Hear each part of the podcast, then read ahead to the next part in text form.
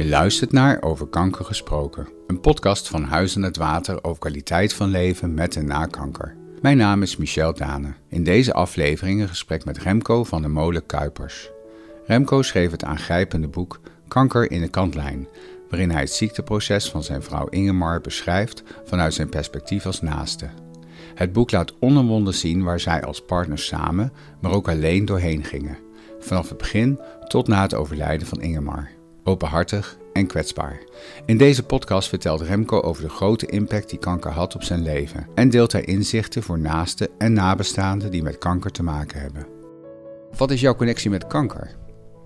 Uh, mijn connectie met kanker is dat uh, in 2010 mijn vrouw Ingemar uh, de diagnose borstkanker heeft gekregen. En dat is nadat ze een jaar daarvoor zich al niet helemaal lekker voelde. En er uh, wat controles zijn geweest, maar daar kwam niks uit. En ineens, een paar maanden later, was het toch raak. Dus dat is mijn connectie met kanker. Ja, en, en wat gebeurde met jullie als, als stel dat dit opeens kwam in jullie leven? Een goede vraag, want eigenlijk is dat datgene wat, uh, wat er gebeurde uh, en wat heeft geleid tot, tot uh, een idee om daar in een later stadium een keer een boek over te schrijven. Ik wist eigenlijk op het moment dat de diagnose gesteld werd, of die werd medegedeeld, van dit gaat ons leven totaal veranderen. En dat gebeurde ook eigenlijk vanaf het allereerste dat moment. Dat wist je al meteen? Dat wist ik direct. Hoe kwam het dat je dat wist? Gevoelsmatig. Ik, misschien dat ik het ooit eens een keer heb gezien of gehoord van anderen. Maar ik wist eigenlijk op het moment dat het werd meegedeeld direct... dit is een, een, een, een kantelpunt in ons leven. En nou maar kijken wat er gaat gebeuren. En wist zij dat ook? Nee, ik denk dat, uh, dat je als partner van dat eerder beseft dan uh, als, als kankerpatiënt... En dat heeft een reden, denk ik. Uh, met name het feit dat je als patiënt al heel snel uh, in de behandelmodus schiet. Je wil er zo snel mogelijk vanaf. Dus als een arts begint te praten over behandelen, dan ga je daar automatisch in mee. Zonder je even een moment af te vragen van is dit nou wel goed waar ik mee bezig ben? Of moet ik niet even een pas op de plaats maken? Dus je zegt het is als partner eigenlijk heel anders ja. dan, dan degene die het overkomt. Ja. En hoe waren jullie daarover in gesprek? Vanaf begin af aan al? Want jij had dus meteen het besef, dit gaat ons echt heel erg beïnvloeden. Nee. Zij had dat dus niet. Nee, nee we hadden, we, dat gesprek is juist bij ons heel moeizaam op gang gekomen. We, we, we, dachten dat we dezelfde taal spraken, maar dat bleek helemaal niet zo te zijn. En dat bleek ook al heel snel. Want als wij bijvoorbeeld samen naar uh, een, uh, een, specialist of een oncoloog of, of willekeurig welke behandelaar dan ook uh, waren geweest, uit die gesprekken haalden we totaal verschillende dingen. Uh, hadden we totaal verschillende conclusies. Uh, we hebben zelfs best wel discussie gehad over of iemand nou wel of iets wat gezegd had. En dat, ja, ik, ik met het grootste gelijk van de wereld dacht dat is niet gezegd. En Ingemar met het grootste gelijk van de wereld zei dat het wel gehoord had. Dat maar, waren de gesprekken nadat jullie daar geweest waren? Ja, Die klopt. gingen dan vaak zo? Ja, dat was ook nog voor de tijd dat we dingen gingen opschrijven. En dat we af en toe een, een tapeje lieten mee, uh, meedraaien. Dat was nog het moment dat we allebei dachten van we onthouden dit wel. En, um, en toen bleek dat dat ja, wel zo was, maar dus heel selectief. Compleet anders bij tijd en wijle. Echt alsof we hè? bij een ander gesprek hadden gezeten. Hoe verklaar je dat? Ik denk dat het komt omdat je, zeker als patiënt, dat je soms de dingen heel graag wilt horen die je, of de dingen hoort die je graag wilt horen. En, maar als partner ook toch, denk ik? Ja, dus, dus misschien haal je er allebei wel de dingen uit die voor jou uh, het meest positief of het meest waardevol zijn. En de dingen die je niet wil horen, dat je die wegfiltert of iets dergelijks. Ja, dus er, er gebeurt eigenlijk psychologisch van alles. En dan ja. ook niet tegelijkertijd bij uh, zowel degene die het overkomt als jij als partner. Want ja, jij bent dus de zogeheten naaste. Ja. En inmiddels ook nabestaande. Dat klopt, dat klopt. Want kun je kort vertellen hoe het is gegaan sinds 2010? In 2010 uh, kwam de diagnose, uh, nadat in 2009 we weggestuurd waren uh, met er is niks aan de hand. Dus de diagnose werd in mei 2010 gesteld, borstkanker. En men ging ogenblikkelijk in de behandelmodus. Dat wil zeggen de bekende zaken als opereren, bestralen, chemo. En dan hopen dat dat het moet gaan oplossen. Nou, dat bleek in eerste instantie leek het er een beetje op dat het, dat, dat het die kant op zou gaan. Maar al heel snel, na een jaar, bleek het toch mis te zijn. Overigens, in hetzelfde ziekenhuis werd toen voor de tweede keer gezegd: er is niks aan de hand. Terwijl Ingemar voelde dat het terug was. En na wat aandringen en wat verder onderzoek uh, uh, werd er uiteindelijk toch gezegd: ja, het lijkt er toch op dat het terug is. Dus weer uh, bestralen en weer chemo. En toen hebben we eigenlijk al direct gezegd: dat gaan we niet doen. We willen een second opinion in een ander ziekenhuis. En dat werd het AVL. En daar werden we op een hele andere manier ontvangen.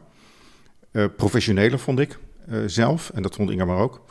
Uh, men is daar gespecialiseerd uh, in, in, uh, in, in, deze ziekte. En het maakt niet uit. iedereen die daar komt, iedereen weet ook waarom die daar is. Het is een kankerziekenhuis, om het maar eens heel grof te zeggen. En, en er is geen vraag waarom je daar bent. Dus men, men behandelt je ook anders. Het is, het is net alsof verpleegkundigen daar een hele andere opleiding krijgen. En daar zijn we eigenlijk gebleven tot het eind. En in dat ziekenhuis werd ook uh, geconstateerd dat Ingemar een hele akelige vorm van borstkanker had. Namelijk uh, BRCA2 en dan ook nog de variant triple negative. Met andere woorden, uh, een heel agressieve vorm van borstkanker die eigenlijk op niks reageert. En dat bleek ook al snel, want het bleef terugkomen en het bleef terugkomen. En uiteindelijk was het zomer 2015 dat we de mededeling kregen uitbehandeld. En ja, gaat u maar naar huis. En wacht het maar af allemaal wat er gaat gebeuren. En dan word je overgedragen aan de huisarts. Dat heeft even vijf jaar geduurd dus, dat je steeds meer achterkwam, er is niet zo gek veel te doen. Ja. Wat we ook proberen, het staat niet aan. Ja. Jij had dit al aanzien komen, jij had al in de gaten, dit gaat een enorme impact hebben op ons leven. Hoe is dat voor Ingemar geweest? Ingemar bleef constant vechten, tegen beter weten in. Die wilde, die wilde ook eigenlijk niet horen ja, dat heet dan opgegeven, daar, daar wilden ze niet aan. Ze, ze, ze dacht iedere keer wel van, er is nog een uitweg, er is vast nog wel iets. Er is vast nog wel iets wat het misschien vertraagt, waardoor er een medicijn komt op tijd wat mij wel kan redden. En dat medicijn dat kwam er op een gegeven moment ook. Dat heet, de werkzame stof heet olaparib. Maar dat kwam allemaal te laat. Maar in dat gevecht uh, heeft Ingemar zich eigenlijk, zou je achteraf kunnen zeggen, een beetje verloren. Die is daar heel ver in gegaan. En het, het, het, het rare doet zich ook voor dat alles wat je van tevoren voorneemt, dat je niet zo ver zult gaan in zo'n proces qua behandeling. Dus bijvoorbeeld, uh, er komt geen hoog-laagbed in huis. Nou, op een gegeven moment staat het er toch. Uh, er komt geen rolstoel in huis. Nou, op een gegeven moment staat die rolstoel er ook. En de post staat er op een gegeven moment ook. Uh, tot en met de rare piepjes die je ook in een ziekenhuis hoort, omdat er op een gegeven moment morfinepompen moeten worden opgehangen. Met andere woorden, op een gegeven moment woon je in je eigen huis in een soort van uh, privé uh, IC-kliniek. En uh, van tevoren hadden we eigenlijk afgesproken, zover laten we het niet komen. En daar, toch, daar waren we het over eens samen. Ja, daar waren we het allebei over eens. Dus dat hadden jullie wel besproken met elkaar. Van nou, ja. zover, maar dan gaat dat dus met een soort geleidende schaal blijkbaar toch... Het schuift, ja, het schuift, je schuift het weg. En je laat het gebeuren. iemand die oppert het en je zegt geen nee. En voor je het weet, dan, dan is je huis een ziekenhuis geworden. Ja, en, en jij maakte dit mee vanuit de positie van partner. En je zag je vrouw eigenlijk enorm strijden en ook niet op willen geven. Hoe was dat voor jou? Had jij al op een eerder moment in de gaten, er is niet zo gek veel meer aan te doen? Nou, nee, dat, nee ik, ik had niet direct in de gaten, er is niet heel veel meer aan te doen. Uh, ik had veel meer het gevoel wat ik net aangaf, dat ons leven zou gaan veranderen en ik niet zeker wist welke kant het op zou gaan. Dus vooral onzekerheid. Het is heel erg onzeker en uh, als gevolg daarvan uh, begon ik uh, wat meer te drinken dan goed voor me was. wat sneller na nare berichten een borreltje te nemen en ik merkte dat dat positief effect voor mij had. Ik werd er rustiger van. Maar ook dat werd een glijdende schaal. Dus voor ik het wist, had ik voor ieder gesprek een borreltje nodig. Of dronk ik mezelf moed in om überhaupt de dag nog te beginnen. En dat was, Dit was jouw oplossing om ermee om te gaan? Dat was mijn oplossing om het in ieder geval te verdoven. En het leven aan te kunnen. Ja, om, maar even aan te geven wat een impact het heeft gehad. Ja, het heeft, het heeft, eigenlijk heeft het ons leven en ons huwelijk, zou je kunnen zeggen... tot op een bepaalde hoogte heeft het, heeft het vernietigend effect gehad. Ja, ja, in, in, in meest letterlijke zin ook, want ze is overleden. Wanneer is ze overleden? Uh, ze is 19 november middels palliatieve sedatie in slaap gebracht. Welk jaar? Uh, eh, 2015. En op 20 november is ze overleden om twee minuten over half twaalf, s morgens. Dat weet je nog precies? Ja. Ja, en toen kwam er voor jou een hele nieuwe tijd aan. Dat klopt. Kun je iets vertellen over wat het voor jou heeft betekend om dan weer verder te moeten? De, het gebruik van uh, alcohol dat heeft mij uh, uiteindelijk in een verslavingskliniek gebracht. Maar dat was nog voordat Ingemar overleed. Ik werd opgenomen omdat het gewoon... Uh, het, het, het, was te erg geworden om nog thuis te blijven. dat is in september 2015 geweest. Uh, ik heb daar vijf weken doorgebracht. Dus vlak voordat Ingemar overleed, drie weken daarvoor, ben ik thuisgekomen. En uh, hebben we eigenlijk drie hele goede weken gehad. Tot en met het moment aan over, van overlijden aan toe. Klinkt een beetje gek, maar zo was het wel. Het was, uiteindelijk was een soort van opluchting. Uh, en daarna, um, ja, dan duik je een moment of een, een, een, een tijd van, van, van uh, rouw in. Maar ook een, een, een periode van soort van opluchting na uh, vijf, vijf en een half jaar ziekenhuis in, ziekenhuis uit. Dus het is een heel raar gevoel wat je dan overvalt. Er is gemis, maar er is ook opluchting. Ja, dat klinkt ontzettend, ontzettend tegenstrijdig, hè? Ja, en uh, daarnaast speelde nog weer dat alcoholprobleem mee. Want heel veel mensen hadden verwacht dat ik als gevolg van dat gemis en, en, en, en de narigheid waaruit er kwamen, toch weer zou terugvallen. En ik ben dolblij dat dat niet gebeurd is. Met andere woorden, al vrij snel kon ik mijn leven uh, oppakken.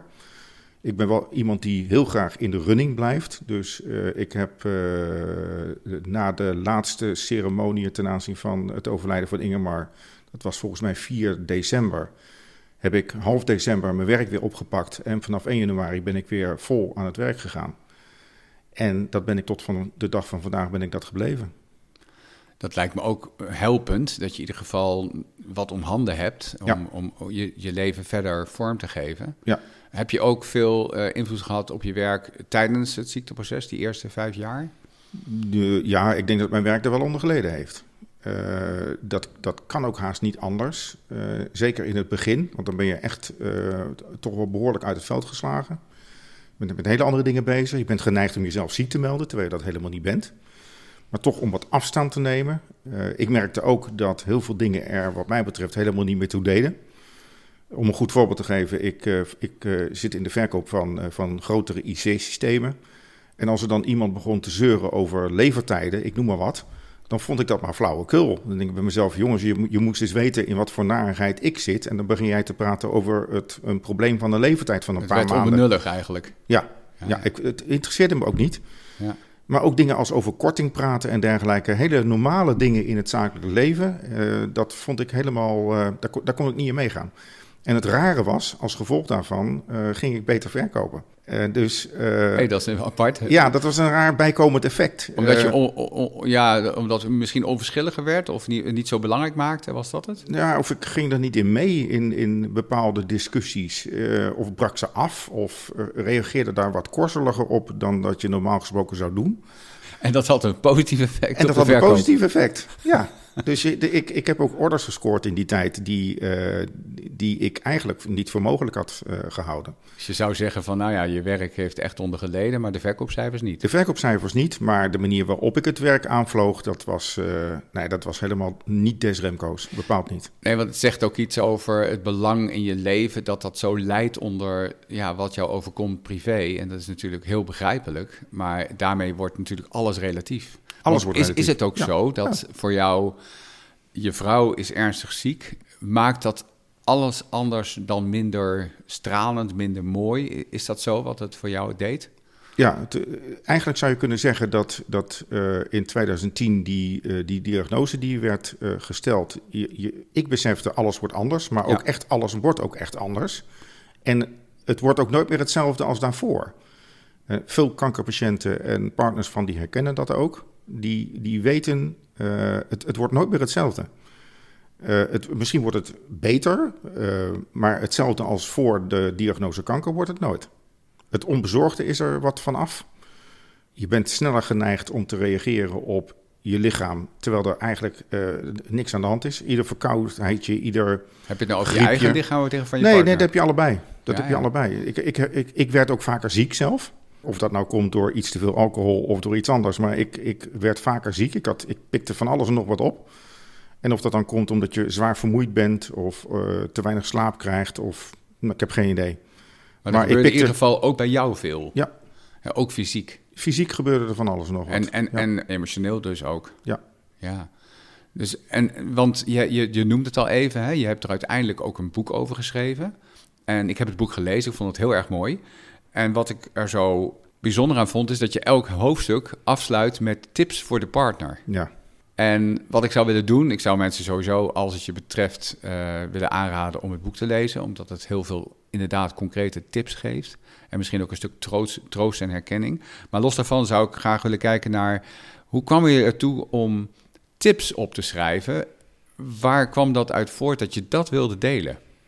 Dat kwam voort uit het feit dat ik me verloren voelde in die periode. Dus ik, ik moest met iets uh, om leren gaan waar, waarvoor ik niet iemand kon vinden die als klankbord kon fungeren. Of iemand die ik kon vragen van joh, er gebeurt nu dit. Wat moet ik hier nou toch in hemelsnaam mee?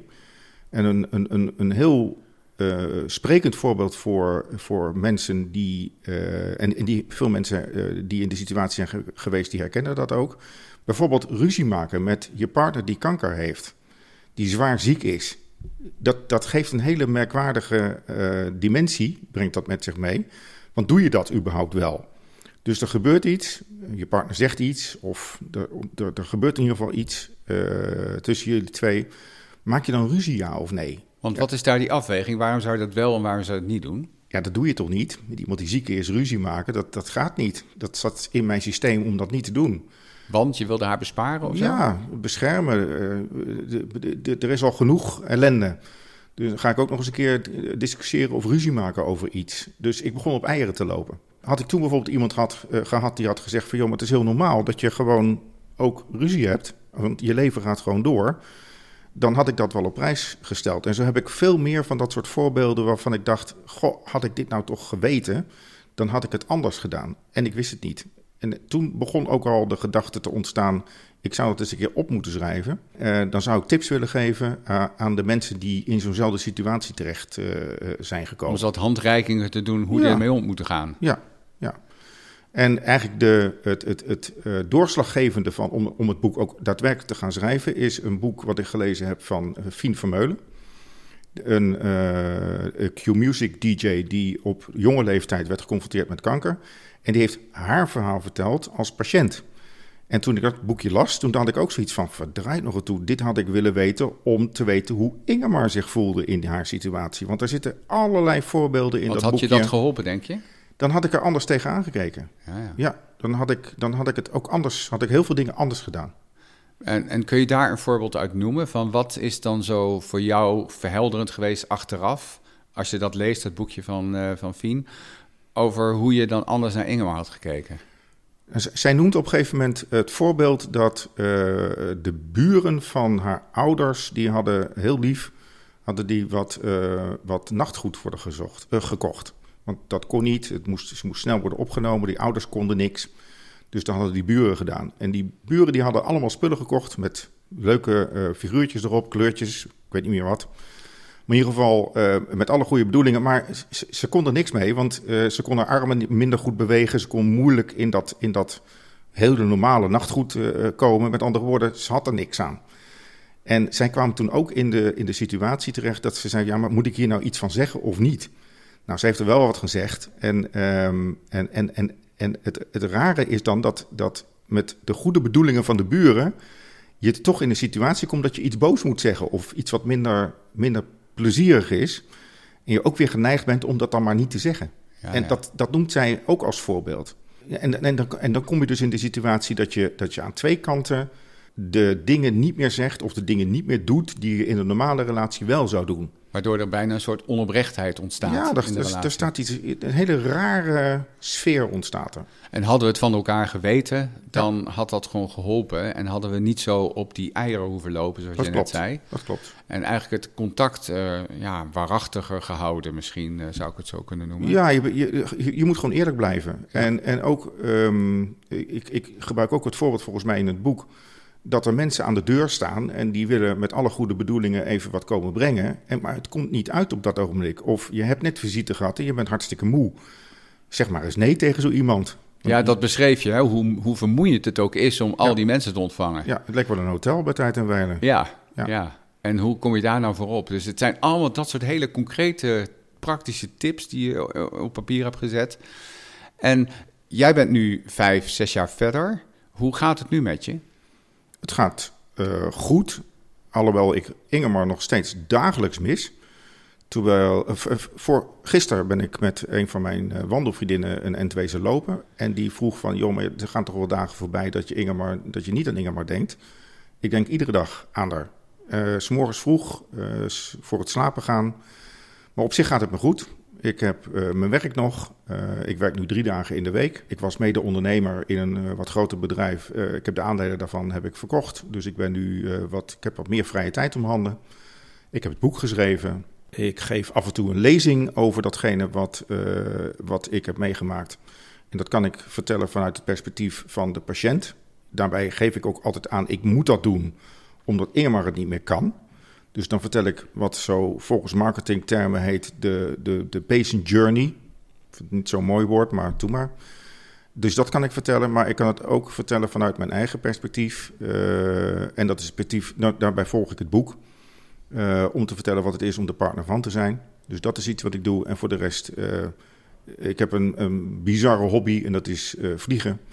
Uh, en daarbij zoek ik wel de grenzen op. Dus niet gewoon uh, vliegen zoals uh, de meeste mensen in de vliegtuig doen. Maar dat ook op zijn kop doen en dat informatie doen. En in allerlei situaties doen die de gemiddelde Nederlander niet, nooit, nooit in terecht komt met een vliegtuig. En, dus dat, dat, dat zijn de dingen die ik doe. Ja, dat brengt je mooie, ja, denk ik, ervaringen, als ik het zo hoor. Ja, het is uh, boven Hoek van Holland formatie vliegen op zondagmorgen. Ik denk dat dat een, geen betere manier is om, uh, om de zondag te beginnen. Uh, maar ook bijvoorbeeld vliegen in de Alpen op grote hoogte. Uh, wat uh, niet alleen prachtige plaatjes oplevert, maar ook een, een, een, ontzettend mooi avontuur. Dus het is een hobby waar ik me lekker in uit kan leven. Ja, wat goed om te horen dat, dat je leven weer echt zin heeft gekregen en ook weer ja, nieuwe betekenis. al is dat gemiste dus nog dagelijks. Klopt. Ja, mensen die dit overkomt, mensen die zelf als partner meemaken wat kanker doet als je hen nu een hart onder de riem zou mogen steken, wat zou je dan tegen hen zeggen? Wat zou nou de samenvatting zijn van wat jij hebt opgestoken van deze tijd, waar zij hun voordeel mee kunnen doen uh, om er beter mee om te gaan dat hun partner zo ernstig ziek is? Eigenlijk gaat, gaat die vraag, het antwoord op die vraag twee kanten op. Uh, het, is, het begint eigenlijk op het moment dat de diagnose wordt meegedeeld. Een, een, arts begint dan ogenblikkelijk uh, te acteren. Dus die begint uh, ogenblikkelijk met, nou, we gaan, uh, we gaan opereren en welke operatie wilt u en dat soort zaken. Um, wat, waar ik een lans voor wil, wil, breken, is dat er op dat ogenblik een pas op de plaats wordt gemaakt. En als de arts het niet doet, doe het dan zelf. Stel minimaal de vraag van, joh, moet dit nu ogenblikkelijk? Of mogen we eventjes een pas op de plaats maken en tot ons door laten dringen en uh, uh, ons gaan oriënteren zodat we betere keuzes maken. De keuzes die wij hebben gemaakt, die waren eigenlijk, ja, voor, dat leek op dat ogenblik het meest logisch, maar niet het meest verstandig. Dus dat sowieso. Neem meer tijd, neem en pas op de plaats. Meer tijd, meer tijd om te overwegen van wil ik nou dit of wil ik nou dat. Probeer de regie te houden. De, de arts neemt de regie over en die is, nooit, is nooit meer bij ons teruggekomen. Dus probeer ook de regie eh, te houden, ook al snap je het niet, waar het altijd allemaal over gaat. Uh, overigens ben ik van mening dat je soms veel meer snapt dan dat je eigenlijk denkt. Want als ik nu terugkijk, dan denk ik bij mezelf verrek. Ik had dat ook anders gedaan. Of we hadden dat gesprek anders moeten voeren. Of nou, er waren talloze uh, momenten waarop je het anders had kunnen doen. Maar dat betreft de, de, de, de behandelarenkant. kijk ik naar mij privé, of naar ons privé, dan denk ik dat wij elkaar op een gegeven moment al heel snel verloren zijn. We, we, we praten nog wel met elkaar, maar we verstonden elkaar niet meer. En dat is een hele grote fout geweest. Dat had beter gemoeten. En ik als partner van had eerder hulp moeten zoeken die er gewoon is. Uh, dat hoeft niet georganiseerd te worden, want die hulp is er gewoon. Uh, om het mentaal allemaal op een rijtje te, te krijgen en te houden. op een gegeven moment werd dat zo'n zooitje bij mij boven dat, dat er was niet meer uit te komen. En dan ga je ook hele rare dingen doen was het al zo opgelopen. Ja. Maar trek eerder aan de bel, zoek de mensen erbij die je nodig hebt om je verder aan te... En blijf communiceren met elkaar, hoor ik je zeggen. Ja. Of in ieder geval zoek manieren hoe je beter met elkaar in contact kan blijven. Ja. Hele concrete tips, denk ik ontzettend waardevol. En er staan er nog veel meer in jouw boek. Ik zal ook de titel uh, onder deze podcast uh, vermelden. Kunnen mensen het vinden als ze het willen hartelijk dank voor je openheid en ook uh, de tijd die je hebt genomen ook om het boek te schrijven en om daarmee het uh, zoveel beschikbaarder te maken voor zoveel meer mensen. Graag gedaan. En uh, bedankt voor dit gesprek. Graag gedaan.